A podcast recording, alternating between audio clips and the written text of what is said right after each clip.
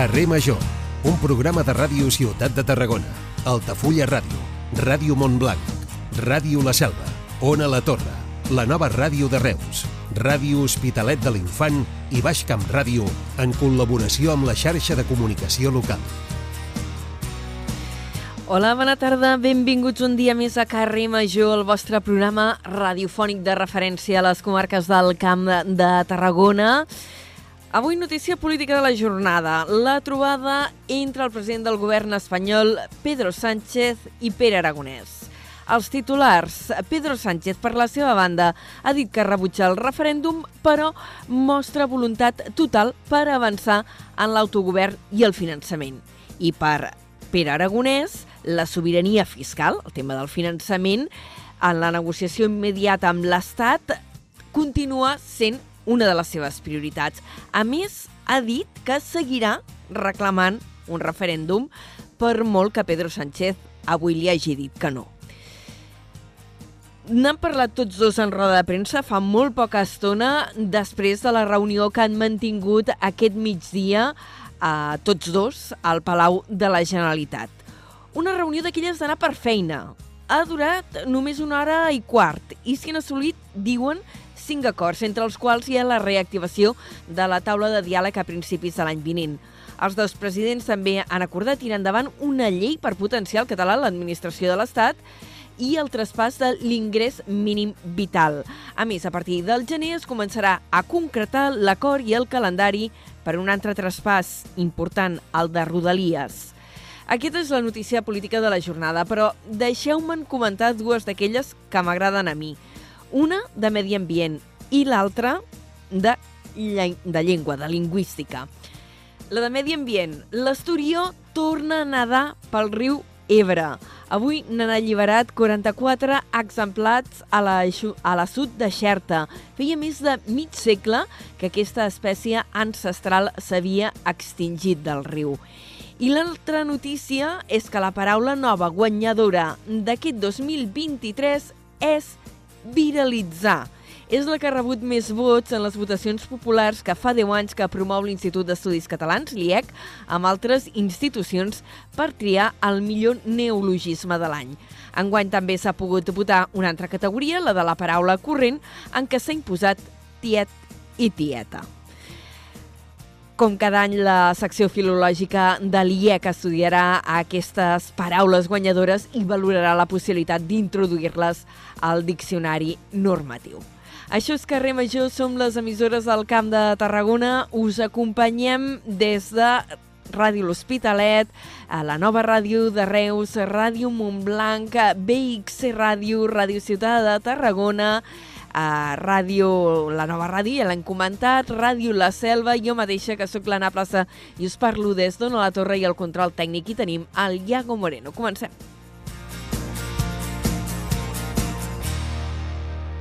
Cada tarda de dilluns a divendres fem parada a Carrer Major.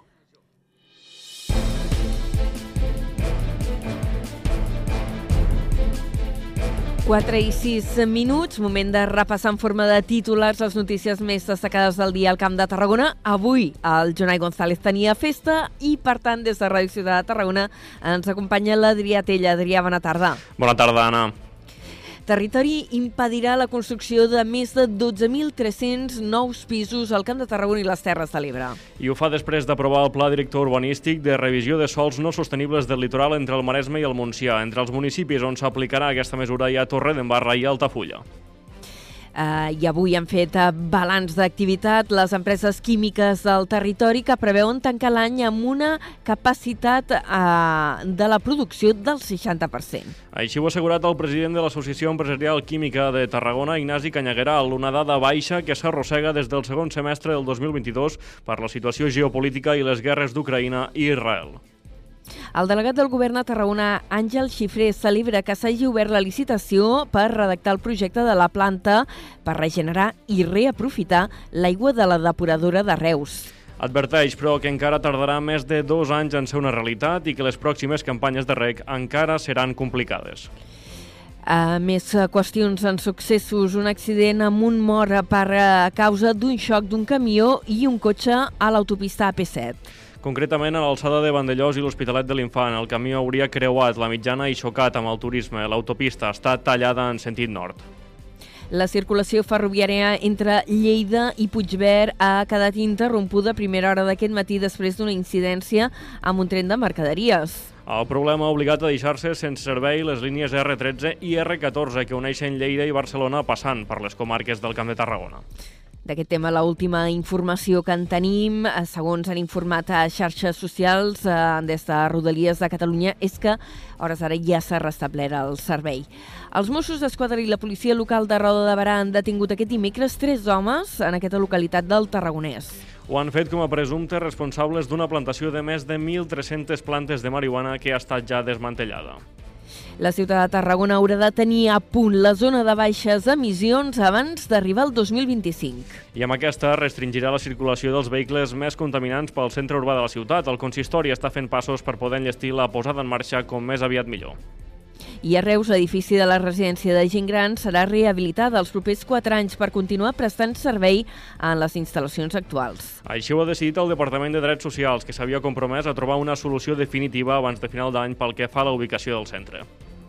En esports, el Club Bàsquet Tarragona va sumar aquest dimecres al vespre la segona victòria consecutiva al Serrallo, guanyant a l'Horta Godella per 68 a 66. Un triomf absolutament fonamental davant un rival directe de la zona baixa i que permet així als del Serrallo continuar somiant amb la permanència. Per cert, en plana cultural Tarragona ha homenatjat la soprano Marta Mateu i també el pare Francesc Xamà. Aquest mateix dimecres a la tarda van rebre el títol de filla predilecta i fill adoptiu, respectivament. Notícies que ampliarem d'aquí mitja hora aproximadament en el tram informatiu del programa. Adri, fins després. Gràcies. Fins ara. Adéu.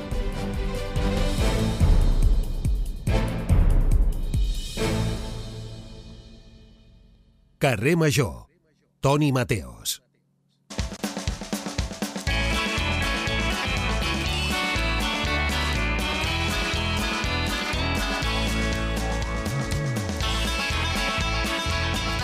Ai, Mateos. Ana Plaça, bona tarda. Te saludem eh, des de l'estudi 2. Uh, la meva al·lèrgia t'ha passat? I, un, i un servidor. Estàs fatal o què? Ah, estic fatal, estic... estic... Bueno, s'ha aixecat ben aquí la selva. Però Un al·lèrgia què? Si ara no és època de floració ni de res. Doncs pues no ho sé. Ha aixecat algú del terra i mira, ara quan acabi la secció, bueno, aquesta, Sí? aquest, aquesta salutació, Et vas cap a la farmàcia a veure el senyor Ebastel, Ebastel Raforte. Oi, oi, oi, oi. Escolta, demana també bastonets aquells pel nas per fer-te la prova de la Covid, eh? Eh, Tinc ma mare malalta, pobra dona. Eh, Mama, De Covid? de Covid, ha pillat la Covid i està moquejant a base de... Bé, anem millorant, eh? Però pobra dona està, està feta un moc mai més ben dit. Doncs pues mira, demanaré bastonets, no sigui cas que... Eh, De, de bastonets, per si de cas. Que ets dolenta, que ets dolenta. No, Has parlat de la, has parlat Què? de la Marta Mateu. Sí. La tindrem Sí? avui. Oh, que bé! Ai, és Sí, veritat que ho vam dir. Sí, sí, sí. Sí, Fa tantes solista. coses, aquesta dona. És Sí, meravellós. Sí, del, una gran soprano, solista del cant de la Civila de Tarragona. Doncs parlarem amb ella d'aquí una estoneta. També Molt bé. tindrem a la Josephine Agustín. És una dona trans eh, per parlar del seu cas en la nostra secció de gèneres. Sí? I t'he de dir que és la primera ciclista trans federada de Catalunya. Mola. Una reusenca amb Sí, la qual senyor. coneixerem eh, personalment. M'agrada molt. Molt. Als ODS parlarem amb la gent de la FANOC, amb el coordinador de FANOC, el Jordi Rodríguez, de la travessa Mora Montblanc i d'altres activitats d'aquesta fantàstica entitat. Furgoneta, Nadal, que és el que toca, amb la xaranga Toca Mamolls, Molt bé, gran xaranga Ai. tarragonina. xaranga Ai, pobra, tarragonina, t'estàs ofegant. i el Club Maginet, també un- una entitat També un- tarragonina un classicazo. fantàstica.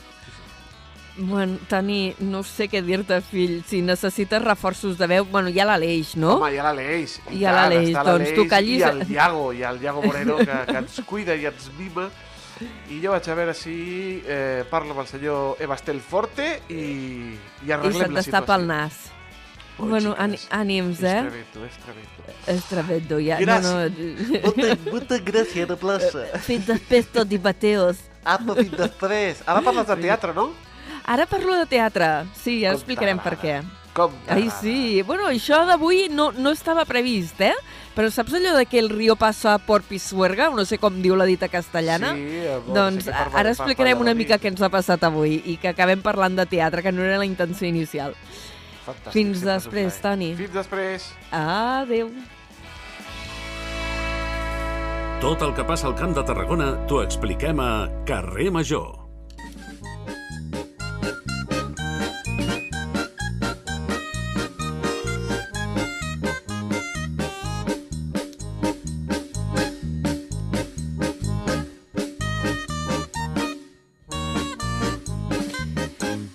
Ai, amb aquesta musiqueta és la música que acompanya l'espectacle El Safreig de la companyia Teatralitzat. Avui, de fet, farem Safreig amb la seva responsable, amb l'autora, directora i intèrpret d'aquest espectacle, eh, que ja fa un parell d'anys que gira, que ha fet ja una cinquantena de representacions i, i hem acabat anant a parar una mica per casualitat avui. Us, us expliquem les circumstàncies. Ahir us ho dèiem que avui la intenció era entrevistar eh, el Sindicat d'Infermeres de Catalunya. De fet, ja havíem quedat una de les seves representants aquí a Tarragona perquè estan de vaga.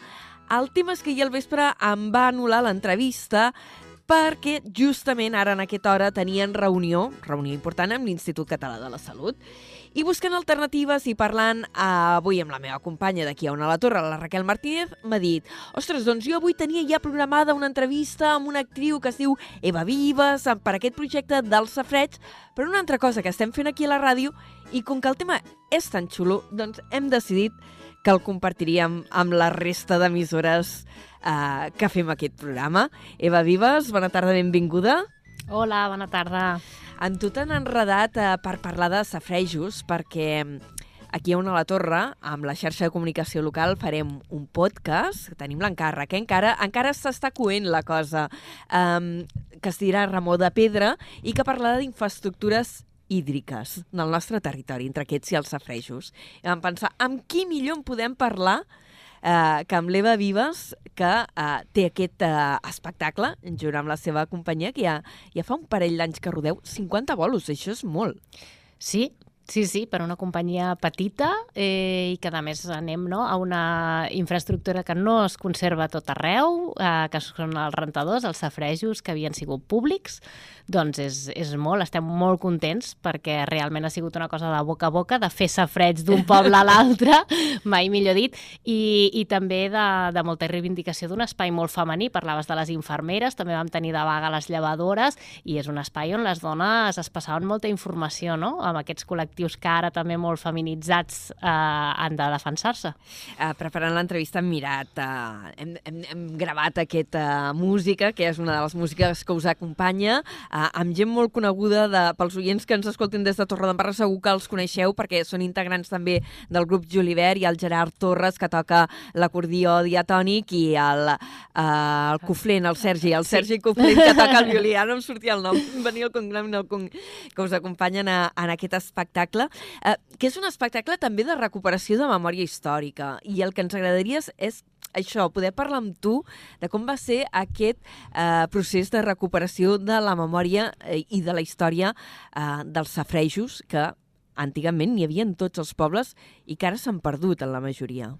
Sí, mm, la veritat és que una mica el, el procés de creació sorgeix de diferents vies, tenim diferents idees, es van posant sobre la taula, es van coent soles, no? i a vegades surt la, el caldo, surt amb diferents ingredients.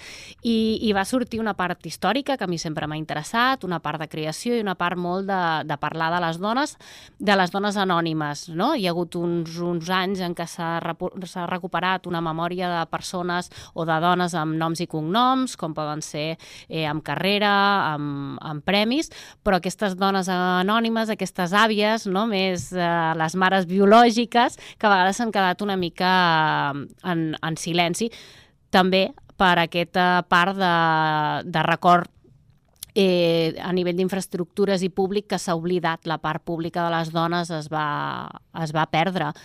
I, i aquesta memòria cap a elles, cap al que elles vivien, cap a elles que elles somiaven, el que elles feien, també en una època en què les dones doncs, tenien una posició pública molt millor que, que van tenir després, eh, també per, per circumstàncies històriques d'aquest país, i que s'han silenciat i que, bueno, que eren dones, no? Eh, dones de la República, dones de primers de segle, que, que, teni, que, que bueno, el paral·lel de Barcelona amb les cançons que, que dèiem, que es van recuperar després, però que són de primers de segles, que eren eh, dones eh, molt potents, i aquesta, aquesta memòria que a vegades ens pensem que les dones hem après a llegir fa dos dies, i no, ja en sabien. Escolta, parlem d'una mica d'aquests uh, safrejos. Com, com ha estat la reconstrucció i la recuperació de la seva memòria d'aquests uh, d'aquests espais? Uh, estan documentats o és un tema que s'ha començat a treballar més, com ara deies, uh, d'una manera més recent?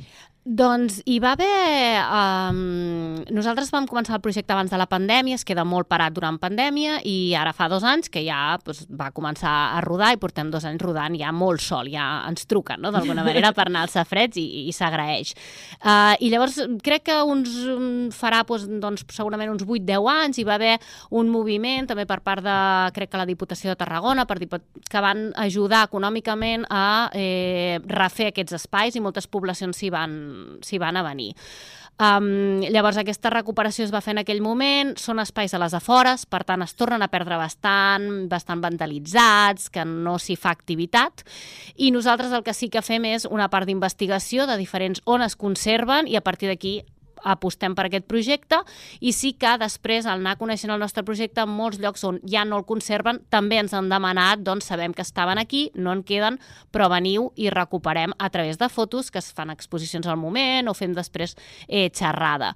I llavors sí que nosaltres fem tota aquesta documentació prèvia a l'espectacle de com funcionaven, eh, amb, amb una, també que l'espectacle ho intentem explicar per la gent més jove, no? que tenia tot un sentit que el safreig no és una estructura sola, sinó que hi ha una font, que anava un abeurador pels animals, que després hi havia el safreig, que el safreig es divideix no? per rentar, per esbandir els safreig dels malalts o els morts, i que, que això es conserva.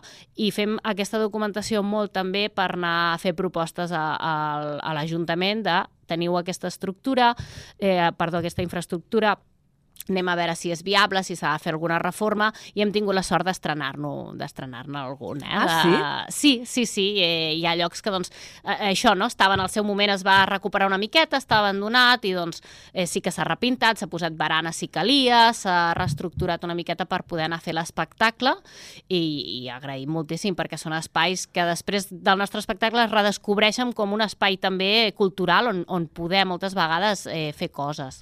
Eh, de fet, heu passat ja, em deies, per la majoria de safrejos que es conserven al camp de, de Tarragona. N'heu fet algun de Lleida, també? Sí, sí, sí. Eh, ens hem mogut, sobretot, tu deies, no? Tenim uh, membres, uh, els músics són d'aquí de, de Torre d'Embarra, de Creixell, els membres som de Reus i o de Valls, llavors, doncs, bueno, el territori ens el coneixem una mica i ens hem mogut molt per aquí, però sí que és veritat que hem, que hem obert ca, cap a Lleida, també és veritat que hem fet molt, molt priorat eh, cap a l'Ebre i eh, ara començarem a, a girar pel, pel que queda de, de país, a Barcelona, capital, també hi hem estat, tot i que a Barcelona no és no es conserva, es conserva molt poquet i ho van fer en una bassa, i d'aquí al territori sí, de fet, queden molt poques poblacions on no haguem anat que conservin uh, aquests safrets.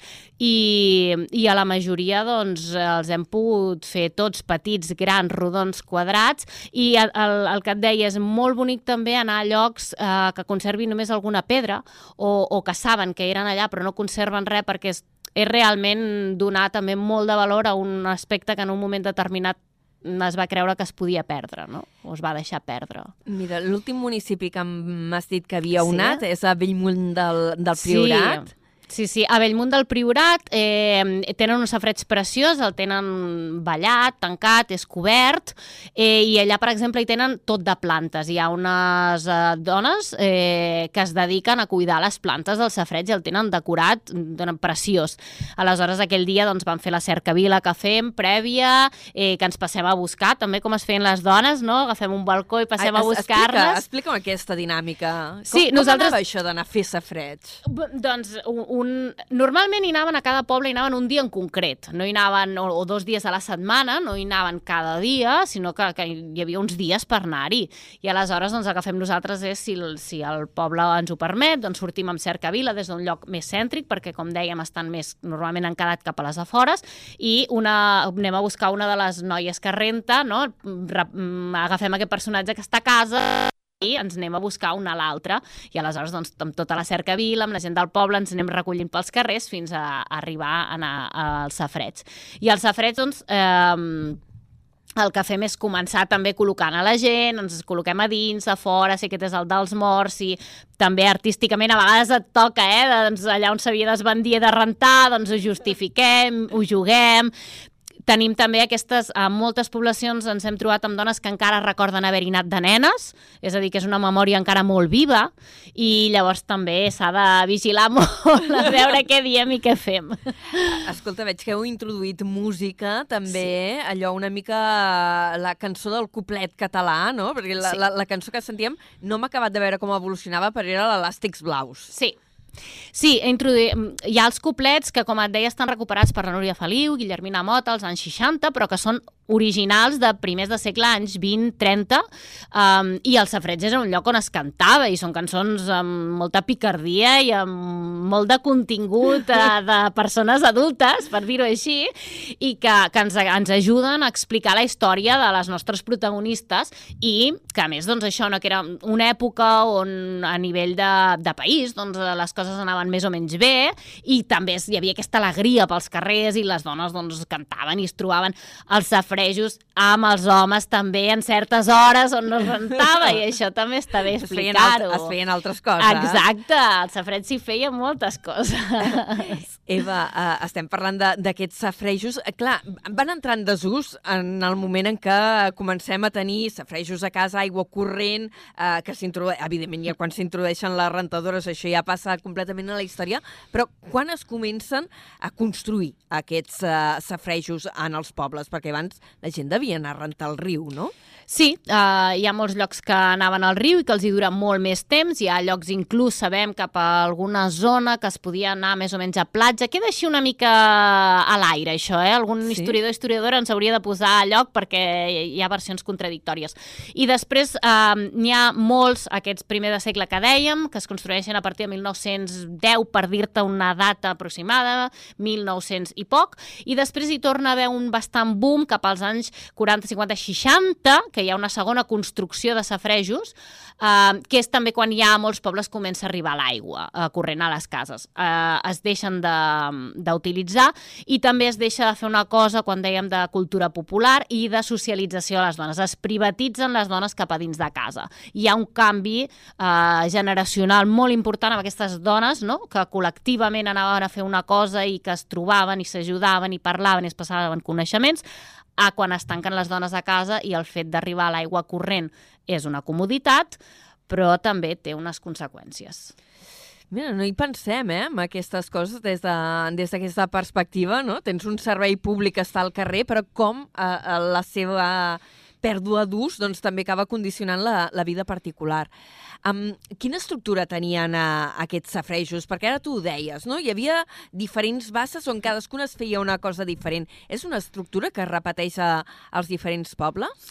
Sí, majoritàriament sí, el que no tot arreu es conserva tota l'estructura, eh, hi ha llocs que només es conserva la font o els abeuradors, potser és el que s'ha conservat més perquè per espai era més petit. Però sí, hi ha la font, principalment, on es posava aigua, l'aigua que residualment, diguéssim, es perdia, o sigui, es feia el reciclatge de l'aigua, que tant es torna a parlar ara, eh, anava cap a l'abeurador on bevien els animals i després aquesta aigua seguia cap al safreig. I el safreig estava dividit en general en dos, un espai on es posaven eh, amb sabó, diguéssim, normalment anaven amb els gibrells, amb els eh, cabassos, i eh, es posaven en remull, llavors aquí s'ensabonava i s'esbandia una banda i amb el sabó anava l'altra, és a dir, un filtratge d'aigua perquè quan tu es bandeixis, diguéssim, no t'arribi el sabó que has posat abans.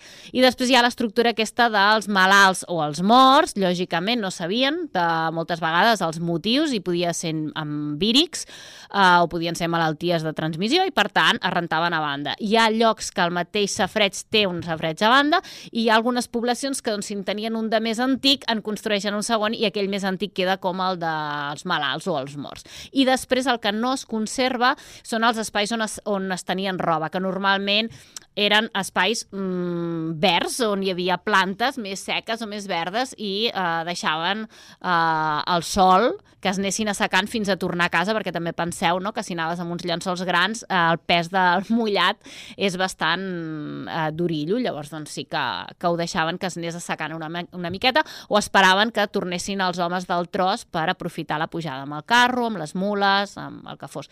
Tot i que, eh, ja et dic, com que ens hem trobat moltes senyores que ho recorden, t'expliquen encara que es posaven els davantals llargs, ben lligats al cap, amb els cossis a, a sobre. Amb els cossis a, Al cap. Espais coberts també, no? Molts d'aquests safrejos tenien eh, eh, porxos, molts. Sí, sí, sí, n'hi ha molts que, que es cobreixen, si no ja des de l'inici amb, el- amb el temps. Eh, és una, una comoditat eh, per poder anar-hi, no? si no fa bon temps. Eh, I inclús ens n'hem trobat de llocs que t'expliquen que hi havia un petit espai on elles podien fer les necessitats, a llocs on queien més lluny no? i que havien d'anar a passar el dia una miqueta i això ho recorden. Llavors, és una estructura que en si pensem que era molt simple, que era una petita bassa, i no, n'hi ha que estan molt, molt, molt ben estructurats, que doncs, hi havia molta població, potser són com tres, està, estava molt ben pensat i anava millorant, perquè era un espai on es feia servir, eh, ja et dic, dos dies a la setmana o cadascú s'ho combinava, però d'un ús molt regular. I n'hi havia que eren públics, que eren del Sí. municipi, però també n'hi havia de privats, de safrejos. Exacte. Jo eh, aquí no em voldria posar en, en temes d'historiadors. Crec No, que venen però- una miqueta després. Eh, Saps si es conserven? Se'n conserven encara d'aquests Sí, de no? privats, per exemple, em ve al cap que a Pallaresos hi ha una casa modernista que conserva els seus Sí, veritat. privats.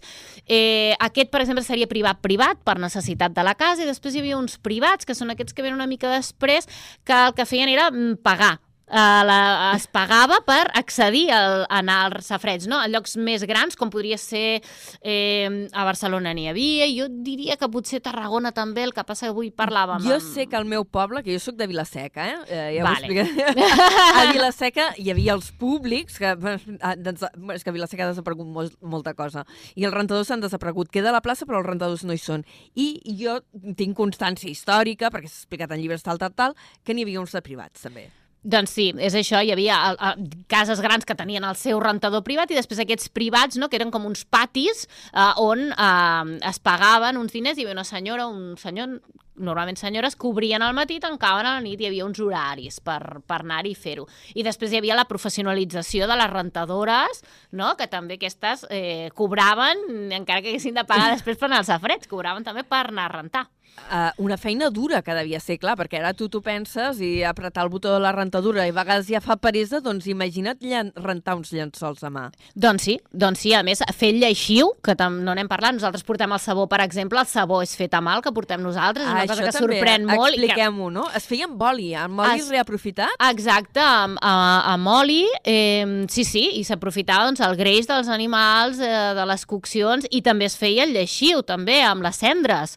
I llavors elles anaven amb el sabó, amb les cendres, amb tota la feina prèvia també que hi havia en fer-ho, amb unes pastilles de sabó grans, després es posaven remull, hi havia totes les eines, no?, que tenien la pala, tenien um, la fusta on, on podien rascar, hi havia això, i, i la feina, eh, ara abans parlàvem, no?, de sortint de la província que havíem anat a, a Barcelona, um, a Barcelona, per exemple, l'únic trosset de safreig és sobretot d'un espai que, que hi havia rentadores i baixaven fins baix a- al que ells eren Barcelona, no? i que feien molts quilòmetres aquestes dones eh, per fer això, perquè a més les dones rentadores no vivien a les parts altes amb, amb, a on rentaven, sinó que, que havien de fer un, uns viatges i, i tornar a això que dèiem, no? Amb els estris, amb, les, amb els llençols mullats, amb els llençols estesos... Per això també aquest lloc de socialització i d'ajuda mútua. Ella, tu no pots rentar-te un llençol de segons quines dimensions sola. Això ho feies col·lectivament, amb ajuda. De, de les més menudes, però també de les veïnes, de les amigues, de les cunyades, de les germanes... Mm -hmm. um, I, eh, clar, és que anava me van venint coses mentre anem parlant amb tu. Com es feia el lleixiu? Perquè el sabó el sabó moll, que en deien, o el sabó de pastilla, uh -huh. això sí que ho havia vist fer, jo encara ho he vist fer, eh? Vull dir, amb, amb el greix, amb sosa, tal, anant remenant, escalfant, total. Però el lleixiu no en tenia ni idea de que ho feien a casa. Com, com feien el lleixiu? El lleixiu es fa amb les cendres. Eh, no et sabria explicar ara mateix tot el procés, però sí que, que s'aprofiten les cendres blanques i diria que les... Eh, no recordo exactament si les bullen amb l'aigua, amb l'aigua calenta les barregen i fan un que reposi i s'acaba fent el, el lleixiu, l'emblanquinador, que era una mica això, no? doncs per emblanquir els llençols, les estovalles, eh, etc. a part de, del sabó en si més, més utilitzat, que ara més es torna a fer molt, no? el sabó natural. Sí. Uh, teniu aquest espectacle de, dels safrejos, ara el, continueu tenint en contractació, no? És una cosa sí, que va sí, continuant. Sí, és, és un espectacle que està obert tot l'any, sí que ell solet, diguéssim que l'època de Nadal o més hivern es para una miqueta perquè sempre el fem a carrer. L'hem adaptat, eh, quan hi ha hagut algun dia de, de pluja o algun espai que s'ha hagut de fer en interior, però bueno, la, la idea és fer és teatre de carrer i per tant a, a la plaça, al Safreig o a la Font i per tant sí que hi ha aquest peron de més fred, de dies que no saps que, bueno, aquí ara últimament, no? es podria fer tot l'any, que, que a Bellmunt, com deies tu, del Priorat al desembre anàvem tots amb màniga curta, uh, però sí que està obert tot l'any en contractació i ara estem ja tancant bolos uh, del 2024, de, sobretot dies del 8 de març, però no només, eh? Hi ha fe, festes tipus uh, la Candela o, o festes majors que van, que van sortint i, i estem, estem tot l'any amb, amb això, anant a rentar, que és que els llençols sempre s'han de rentar, no, no, no, no i ara fan dius, vacances. A, amb l'espectacle fem una mica de parada a l'hivern, però clar, les rentadores a l'hivern no devien parar, i l'aigua freda, no? I l'aigua freda, sí, sí, i això es nota. Nosaltres, doncs, si, si el safreig està ple, ens el poden omplir, treballem amb, amb, safre, amb, amb l'aigua i es nota, es nota les mans i et, realment fas la reflexió de que no és una cosa fàcil. Eh, les hores que estaven elles rentant, tota la bugada, i inclús ara l'hem perdut molt la llana, però rentar sí? llana és molt complicat, el pes de la llana, que s'assequi la llana... Eh, Escórrer-la. Exacte. Escorre un jersei de llana i que a casa... Ara ja he perdut la costum, vaig decidir que ja en tenia prou. Però jo vaig tenir una temporada de rentar molt roba a mà, allò, roba més delicada i tal i tal, fins que vaig dir, no, prou, se fini. No, però sí, sí, clar, rentar llana a tela. Sí, sí, sí, i qualsevol taca que se t'assequi, no? Que això ens passa a vegades, que pensem que tot és màgic i mm, tu poses en remull, però si tu no tens aigua a casa, no vas fins a Safreig a posar un remull. Llavors, el dia que hi vas, potser la cosa està complicada, no? I, I, i sí, la llana també era un teixit eh, molt, molt complicat. Eh, I no tenien eh, cap foc o cap lloc en què l'escalfessin, l'aigua? Era sempre aigua freda? Si tu vas al safreig hi ha molta aigua, per tant escalfar és... No, és, no, el safreig, però allò que és molt complicat. una ulleta o alguna cosa per que fos una mica més tèbia, o no? Mm, en principi no, hi ha qui suposaven remull i suposo que això feien baixar temperatura o, com et deia, no? llocs molt grans on anaven a passar el dia, sí que igual que ens havien dit que hi havia lavabos, encenien un foc i, i s'escalfaven una, una miqueta. Però no, a més també pensem que nosaltres anem amb els, amb els rivells metàl·lics, que molts llocs es feien servir, però també molts anaven amb els de, amb els de Vímet, no? Sí. Amb, amb, amb canya, i aquí no omplies l'aigua. No, no? I anaves amb espardenyes, que també si es mullen també té Sí, el seu. sí. Vull dir, Sí, sí. hi ha moltes, moltes, moltes coses que quan realment fas l'espectacle amb un assessorament històric, eh, mirant bé no, la, la realitat, dius, ostres, eh, que això no és bufar i fent polles, eh? que aquí hi havia un, uns coneixements i, i, i una feina molt dura. Uh, hem estat parlant amb l'Eva Vives eh, de la companyia Teatralitzant amb aquest espectacle de recuperació de la memòria històrica dels safrejos, eh, que l'ha portat ja mm, per gairebé tots els safrejos que es conserven al Camp de Tarragona. Per cert, mm, ja que tenim, eh, comentem i acabarem l'entrevista perquè hem d'anar a les notícies. Tenim un altre espectacle en cartell, eh, en contractació, que és Memòria, eh, Memòria Oblidada, que també eh, recupera memòria històrica de les dones. Sí, és Memòries oblidades i també, com dèiem, eh, al final la idea és recuperar aquestes dones anònimes i en aquest cas és eh, la Guerra Civil, però sobretot la República i com es perden aquest projecte de drets que haurien pogut tenir les dones en aquell moment. Doncs moltíssimes gràcies, Eva, per haver-nos acompanyat. Ja hem explicat una mica la nostra vicisitud. Avui t'havíem d'entrevistar, però havia de ser una entrevista gravada per fer una altra cosa, però hem pensat, no, compartim-ho, perquè el tema, el tema és preciós. Moltes gràcies per donar-nos aquesta oportunitat, per donar-nos veu i reconeixement i felicitats per la feina i esperem trobar-nos de nou. Per molts bolos més. Gràcies. Fins la propera. Adéu-siau. Carrer Major, al Camp de Tarragona, des de ben a prop.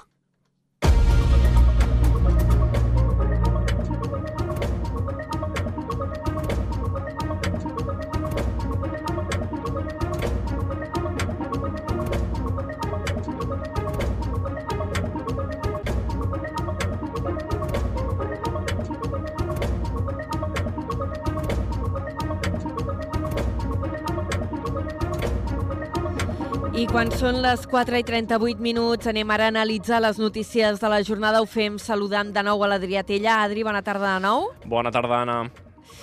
Territori. El Departament de Territori de la Generalitat impedirà la construcció de més de 12.300 nous habitatges del Camp de Tarragona i les Terres de l'Ebre.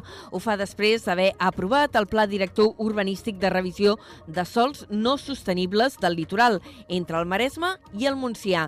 Entre els municipis on s'aplicarà aquesta mesura hi ha a Tarragona, Torredembarra i molts altres del territori. L'objectiu és afavorir una ordenació amb menys consum de sol, pobles i ciutats més compactes i amb varietat d'usos, afavorint la connectivitat i reduint les emissions de diòxid de carboni.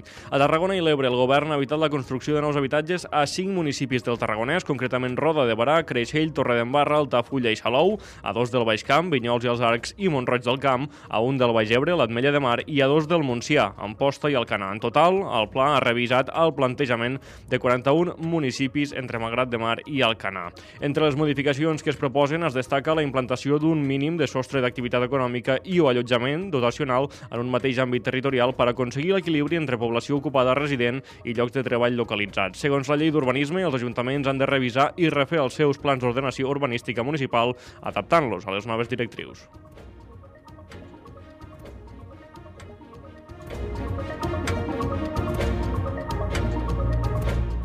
D'altra banda, més de 300 futurs habitatges a Altafulla afectats pel Pla Director Urbanístic de la Generalitat. La nova normativa transformarà en terreny rústic tres sectors de creixement de la vila i en farà modificar la densitat d'un quart. Ens en dona més detalls des d'Altafulla Ràdio, la Carol Cubota. A les possibles zones urbanitzables previstes a Altafulla no s'hi podrà construir un total de 349 habitatges, ja que no complirien els nous criteris d'equilibri territorial i de sostenibilitat plantejats a la nova regulació aprovada pel govern.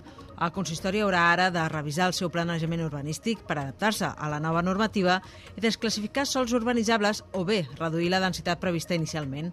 No es podran tirar endavant diferents sectors que es contemplaven en el POM del 2004. Ara, aquests sols es consideren no sostenibles i passaran a ser qualificats com a zona rústica o bé se'n modificarà la densitat, com explica la coalcaldessa Alba Muntades dels sectors urbanístics que no s'havien desenvolupat doncs són tres els que estan desclassificats, que vol dir que passaran automàticament a ser sol rústic no, no urbanitzable. Els sectors afectats per aquest nou PDU serien un que se situa a Brises del Mar, que ja no es desenvoluparà, i també uns altres a la zona dels Munts. Igualment caldrà revisar la densitat d'un sector ubicat entre el camp de futbol i la via del tren. Disculpeu que he deixat l'Adrià un moment sola per poder uh, acomiadar la, la nostra convidada avui com, com calia. En economia, les empreses químiques tancaran l'any amb una capacitat de producció del 60%. Uh, ho han assegurat avui des de l'Associació Empresarial Química de Tarragona en un contacte amb els mitjans de comunicació. La dada s'arrossega des del segon semestre del 2022 per la situació geopolítica i les guerres d'Ucraïna i Israel. Des de l'EQT afirmen que amb un 60% de capacitat no es poden absorbir tots els costos fixos i reivindiquen que és necessari treballar el 80% per començar a ser competitiu. De fet, el president de l'EQT ha confirmat que s'importa més productes dels Estats Units i la Xina, on les administracions estan donant més subvencions i això està provocant un daltabaix per a Europa. Per això, Canyagueral ha exigit tenir les mateixes als governs català i espanyol. El delegat del govern a Tarragona, Àngel Xifré, celebra que s'hagi obert la licitació per fer el projecte de la planta per regenerar i reaprofitar l'aigua de la depuradora de Reus. Adverteix, però, que encara tardarà més de dos anys en ser una realitat i que les pròximes campanyes de rec encara seran complicades. La redacció del projecte té un preu de sortida de 181.000 euros. A més de la planta de regeneració, s'haurà de preveure tot el sistema de canonades per fer arribar l'aigua als regants. Les empreses poden presentar ofertes fins a finals de gener i la que sigui seleccionada disposarà de 14 mesos per redactar el projecte. El delegat ha destacat que es tracta d'un pas important per donar resposta a la necessitat d'aigua de rec al Baix Camp, ara que els pantans estan buits. És mate... una notícia molt important per tot el Camp de Tarragona i sobretot per la comunitat de regants del, del pantà de Riu de Canyes, que en aquests moments doncs, eh, té el pantà pràcticament buit. De fet, aquest estiu no han pogut fer campanya de rec, perquè també l'altre sistema, l'altre pantà del sistema és el pantà de Siurana i també estava buit. I com a govern doncs, comencem a iniciar els tràmits per poder utilitzar l'aigua regenerada com a aigua també per, per ús agrícola. El delegat del govern ha advertit que l'obra encara tardarà a ser una realitat i que les pròximes campanyes de rec encara seran complicades si no plou amb abundància arrencar la maquinària doncs, costa, de fet estem en aquesta fase, llavors de moment doncs, el que hem de fer doncs, és aquesta, aquesta campanya que ve serà molt complicada, si no rega, i tots ho sabem, i la següent campanya doncs, possiblement també, però hem de treballar amb la perspectiva, crec jo, de tres anys vista. Solucions màgiques no n'hi ha. Eh? L'única solució màgica que hi ha és que vingui una llevantada i ens ompli els pantans. Eh? Aquesta Fa dos anys, quan es va començar a parlar de la iniciativa, el cost s'estimava en 28 milions d'euros arran dels increments de preus que hi ha hagut des de la guerra a Ucraïna. Xifre no s'ha atrevit a pronosticar-ne el preu que tindrà finalment. I avui ens hem de fer ressò d'un accident mortal que s'ha produït avui a l'autopista AP7 al Baix Camp a causa del xoc entre un camió i un cotxe. El camió hauria creuat la mitjana i xocat amb el turisme. L'autopista està tallada en sentit nord. Des de Ràdio L'Hospitalet i Rodríguez. Un accident entre un camió grua i un turisme ha provocat un mort i ha obligat aquest migdia a tallar la P7 al seu pas per Vandellós i l'Hospitalet de l'Infant en direcció Barcelona. L'avís s'ha rebut a les 12 del migdia per un accident en el punt quilomètric 283,7. El camió que circulava a sentit sud ha punxat una de les rodes, ha creuat la mitjana, ha envaït la calçada en sentit contrari i ha col·lidit contra un turisme que circulava en sentit nord. A causa del xoc, la copilot del turisme, que es tracta d'una dona de 76 anys, ha mort i el conductor ha resultat ferit menys greu, tots dos veïns de les Borges del Camp. El conductor del camió grua ha resultat ferit il·lès i ha donat negatiu en test d'alcoholèmia i drogues. Arran de la incidència s'han activat 5 patrulles dels Mossos d'Esquadra, 5 dotacions dels bombers de la Generalitat i 4 unitats del sistema d'emergències mèdiques. Quan a l'afectació viària, l'autopista està tallada en sentit nord i es fan desviaments des de l'Atmella de Mar, sortida 39 cap a la Nacional 340 i la 7. I seguim en qüestions relacionades amb la mobilitat. La circulació ferroviària entre Lleida i Puigverd ha quedat interrompuda a primera hora d'aquest matí després d'una incidència amb un tren de mercaderies. El problema ha obligat a deixar sense servei les línies R13 i R14 que uneixen Lleida i Barcelona, passant per les comarques del Camp de Tarragona. A mig matí, Renfe ha habilitat un servei de transport alternatiu per carretera entre Lleida i Sant Vicenç de Calders. Fa una hora, aproximadament, s'ha pogut restablir la circulació a les dues línies, segons ha informat informat Rodalies de Catalunya a través de les xarxes socials. Els Mossos d'Esquadra i la policia local de Roda de Barà han detingut aquest dimecres tres homes en aquesta localitat del Tarragonès i han desmantellat una plantació de més de 1.300 plantes de marihuana. Els arrestats de 29, 31 i 39 anys són presumptes autors dels delictes de pertinença a grup criminal contra la salut pública i defraudació de fluid elèctric. La investigació es va iniciar a finals del passat mes d'octubre i aquesta matinada de dimecres els investigadors van realitzar una entrada i perquisició en la nau on s'estava desenvolupant aquesta activitat il·lícita. La droga localitzada tindria un valor aproximat de 300.000 euros. La investigació continuarà oberta i no es descarten noves detencions. Els arrestats passaran en les properes hores a disposició del jutjat d'instrucció en funció de Guàrdia del Vendrell.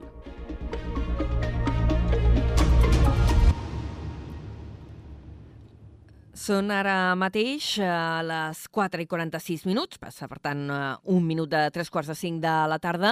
Entrem en crònica municipal recollint paraules avui de l'alcalde de Tarragona, Rubén Viñuales, que afirma que des de l'Ajuntament es demanaran inversions a la Generalitat per fer un lobby tarragoní. Ha destacat que Tarragona com a és l'única ciutat patrimoni de la humanitat a Catalunya i en aquest sentit ha explicat que s'han fet demandes d'inversió per patrimoni. Ha posat d'exemple el Pla Integral de la Part Baixa, on precisament el patrimoni en serà l'eix vertebrador. Des de Ràdio Ciutat de Tarragona, Cristina Artacho. Vinyuales ha fet una valoració del primer mig any de mandat i ha recalcat l'agraïment cap als grups de l'oposició que han facilitat l'aprovació de les ordenances fiscals i els pressupostos. Considera que aquests acords demostren la intenció de fer política a la tarragonina i una política de consens que superi les dinàmiques de partit. Ha afegit que de cara al 2024 els reptes són molts i molt importants. Un d'ells és que l'àrea metropolitana de Tarragona sigui una realitat. Ens agradaria tenir una forma de fer política a la Tarragonina, una política de consens, una política que superi a vegades les dinàmiques de, de partit i que sí que pensi en clau tarragonina, que els reptes són molts i molts importants, així que el primer missatge és aquest, agrair al grup de, de Junts, d'en Comú Podem i d'Esquerra el seu suport als pressupostos aquests pressupostos que són amb una inversió molt important, la més important de la història, de 21 milions d'euros. L'alcalde Vinyuales ha incidit que no descarta ampliar el govern municipal i ha definit l'oposició com a responsable. Ha reafirmat que, llevat de grups que suposen una línia vermella ideològica, tothom pot aportar si es pensa en clau tarragonina. Ha reiterat que l'aprovació dels pressupostos és un mèrit compartit amb Esquerra, Junts i Comuns. Més eh, qüestions que hem de tractar eh, avui en relació amb l'àmbit eh, municipal. Eh, la zona de baixes emissions de Tarragona haurà de ser una realitat abans del 2025. Amb aquesta zona de baixes emissions, com s'està fent ja en moltes altres ciutats, es restringirà la circulació dels vehicles més contaminants al centre urbà. El consistori està fent passos per poder enllestir la posada en marxa com més aviat millor. Aquest mateix dimecres van sortir a licitació els treballs per instal·lar, configurar i posar en marxa els dispositius tecnològics que controlaran l'accés a aquesta zona de baixes emissions. A més, la consellera de Mobilitat, Sònia Ors, ha anunciat que l'ordenança que regularà aquesta zona serà una realitat a finals del mes de gener. L'Ajuntament compta amb més de 3 milions dels fons europeus Next Generation per finançar la implementació d'aquesta zona. Per fer-ho, s'instal·laran una seixantena de dispositius per controlar els accessos a l'àrea delimitada. Aquests captaran les matrícules dels vehicles per comprovar si les seves emissions accedeixen als límits establerts. També s'instal·laran càmeres a diversos pàrquings dissuasius fora aquests de la zona de baixes emissions. El termini d'execució d'aquests treballs serà de 10 mesos des del moment en el qual es posin en marxa. I a Reus, l'edifici de la residència de gent gran serà rehabilitat els propers quatre anys per continuar prestant per continuar prestant servei en les instal·lacions actuals. Ho han decidit des del Departament de Drets Socials després de reunir-se avui mateix amb representants del Departament d'Economia i Hisenda, la Delegació Territorial del Govern a Tarragona i l'Ajuntament de Reus. Les darreres setmanes han estat valorant quatre opcions diferents que permetessin mantenir el servei de residència al municipi, ja fos en noves instal·lacions o, tal com s'ha decidit finalment, actuant en l'edifici. El projecte de reforma haurà de resoldre les problemàtiques de legionelosi, risc d'incendi i risc estructural. El departament estima que les obres durin aproximadament uns 4 anys i preveu una inversió d'entre 9 i 12 milions d'euros. Com ja es va informar en la darrera trobada, les mancances detectades fan impossible realitzar les obres i mantenir actiu el servei. És per això que el departament iniciarà el trasllat trasllat temporal de residents aquest any vinent. I més uh, coses encara, el Consell Comarcal del Tarragonès ha aprovat, o ha fet aquesta setmana, el pressupost uh, per l'any vinent. El ple va validar un pressupost total de 25 milions d'euros de cara al pròxim exercici. Es va aprovar amb els vots a favor del Partit Socialista de Catalunya, Junts per Cat, En Comú Guanyem i Esquerra Republicana, amb les abstencions dels grups comarcals de PP i CUP Amunt i els únics vots en contra del grup comarcal de Vox. Amb l'aprovació d'aquest pressupost, l'EN supramunicipal assegura refermar la seva vocació de servei a les persones i als municipis de la comarca, a més de voler, diuen, mantenir la línia d'estabilitat iniciada en exercicis anteriors. Avui també hi ha hagut eh, ple a l'Ajuntament de Torredembarra. Us ampliarem els detalls eh, demà perquè ha acabat tardíssim, eh, però s'hi ha aprovat com a tema principal l'adjudicació de les obres de conviriment de la piscina. A més, s'ha dit que es convocarà un ple extraordinari per resoldre les reclamacions a l'aprovació de l'IBI i les taxes de gestió de residus i aprovar definitivament aquestes ordenances fiscals. Aquest ple extraordinari serà la setmana que ve, concretament el dia 28 de desembre. I ara us expliquem, uh, us expliquem que el Port de Tarragona instal·la panells d'energia solar per a consum compartit al sostre del Club REM de Tarragona. Es preveu que la instal·lació estigui en funcionament el pròxim mes de febrer d'aquest pròxim 2024. Des de Ràdio Ciutat de Tarragona, Adrià Duc. Aquesta setmana, el Port de Tarragona començarà la instal·lació de panells fotovoltaics per continuar desplegant la utilització d'energia neta. Es tracta de fins a 110 plaques solars que generaran un total de 60 kW de potència nominal i que s'instal·laran al sostre del Club de Rem de Tarragona. Amb aquesta instal·lació, que té adjudicat un pressupost de 78.000 euros, no només es cobreixen les necessitats que pugui tenir el Club de Rem, sinó que l'energia que proporcioni repercutirà directament a diferents indrets dintre del recinte portuari, com el Varador, l'edifici de la policia portuària i part del moll de Riotja, entre d'altres. La instal·lació dels panells solars s'alinea amb el procés de transició energètica i el compromís de l'Autoritat Portuària de Tarragona d'estimular l'ús d'energies renovables i l'autosuficiència energètica, de la mateixa manera que amb l'objectiu d'esdevenir en un port verd i sostenible. Els nous panells es sumaran als sis edificis en què el port ja produeix energia elèctrica amb plaques fotovoltaiques i s'espera continuar augmentant aquesta xifra. Es preveu que els nous panells solars del sostre del Club de Rem de Tarragona estiguin en funcionament a partir de finals del mes de febrer de 2024. Gràcies eh, des de, per aquesta informació que ens arriba des de Ràdio Ciutat de Tarragona. Ara us expliquem que la Diputació impulsa una cinquantena de projectes de protecció i millora del medi ambient a la demarcació amb una inversió global de 840.000 euros. La institució concedirà 600.000 euros a entitats sense ànims de lucre per al desenvolupament de projectes de protecció i millora de l'entorn natural i 240.000 euros a l'agrupació de defensa forestal, a les ADF, per a la prevenció local d'incendis forestals forestals el condicionament d'espai refugi per a espècies exòtiques invasores i l'organització de tallers d'educació ambiental a càrrec de l'associació Les Set Cabretes de Botarell, programes de sensibilització contra la contaminació per plàstics de l'associació Plastic Free Wave de l'Ametlla de Mar o la millora ecològica a l'entorn de la Juncosa de Montmell a càrrec del grup ecologista del Vendrell i el Baix Penedès són només algunes de les propostes de protecció i millora de l'entorn natural que es beneficiaran d'aquestes subvencions. Com dèiem, els 600.000 euros a entitats sense ànim de lucre de la demarcació permetran impulsar una trentena d'accions i projectes projectes de protecció i millora del medi. D'altra banda, els 240.000 que reparteixen entre una vintena d'agrupacions de defensa forestal de la demarcació són per accions adreçades a la prevenció de locals d'incendis forestals. Dit això, anem directament a la informació esportiva.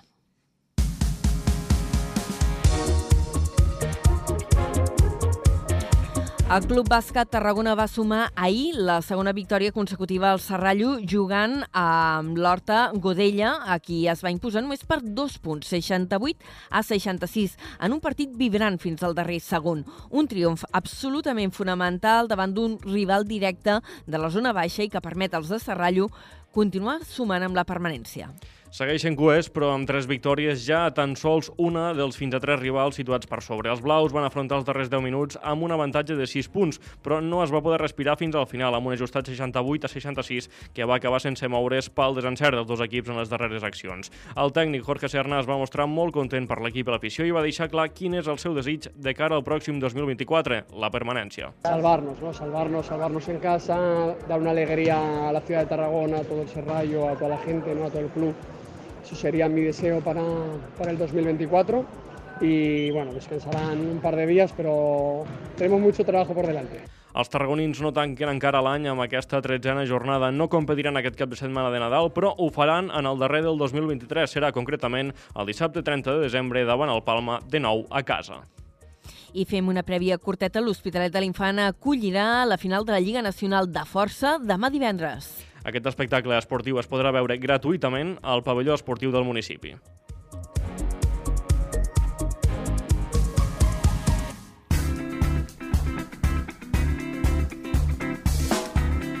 I en cultura, dos noms propis. Tarragona ha homenatjat la soprana Marta Mateu i també el rector Francesc Xamà.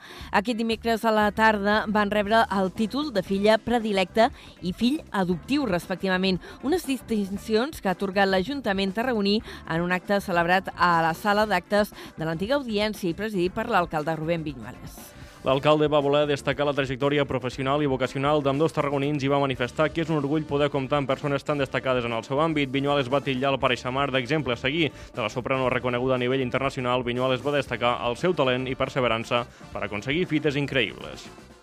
Doncs tanquem així la primera hora de Carrer Major. Fins ara, o fins demà. Adéu.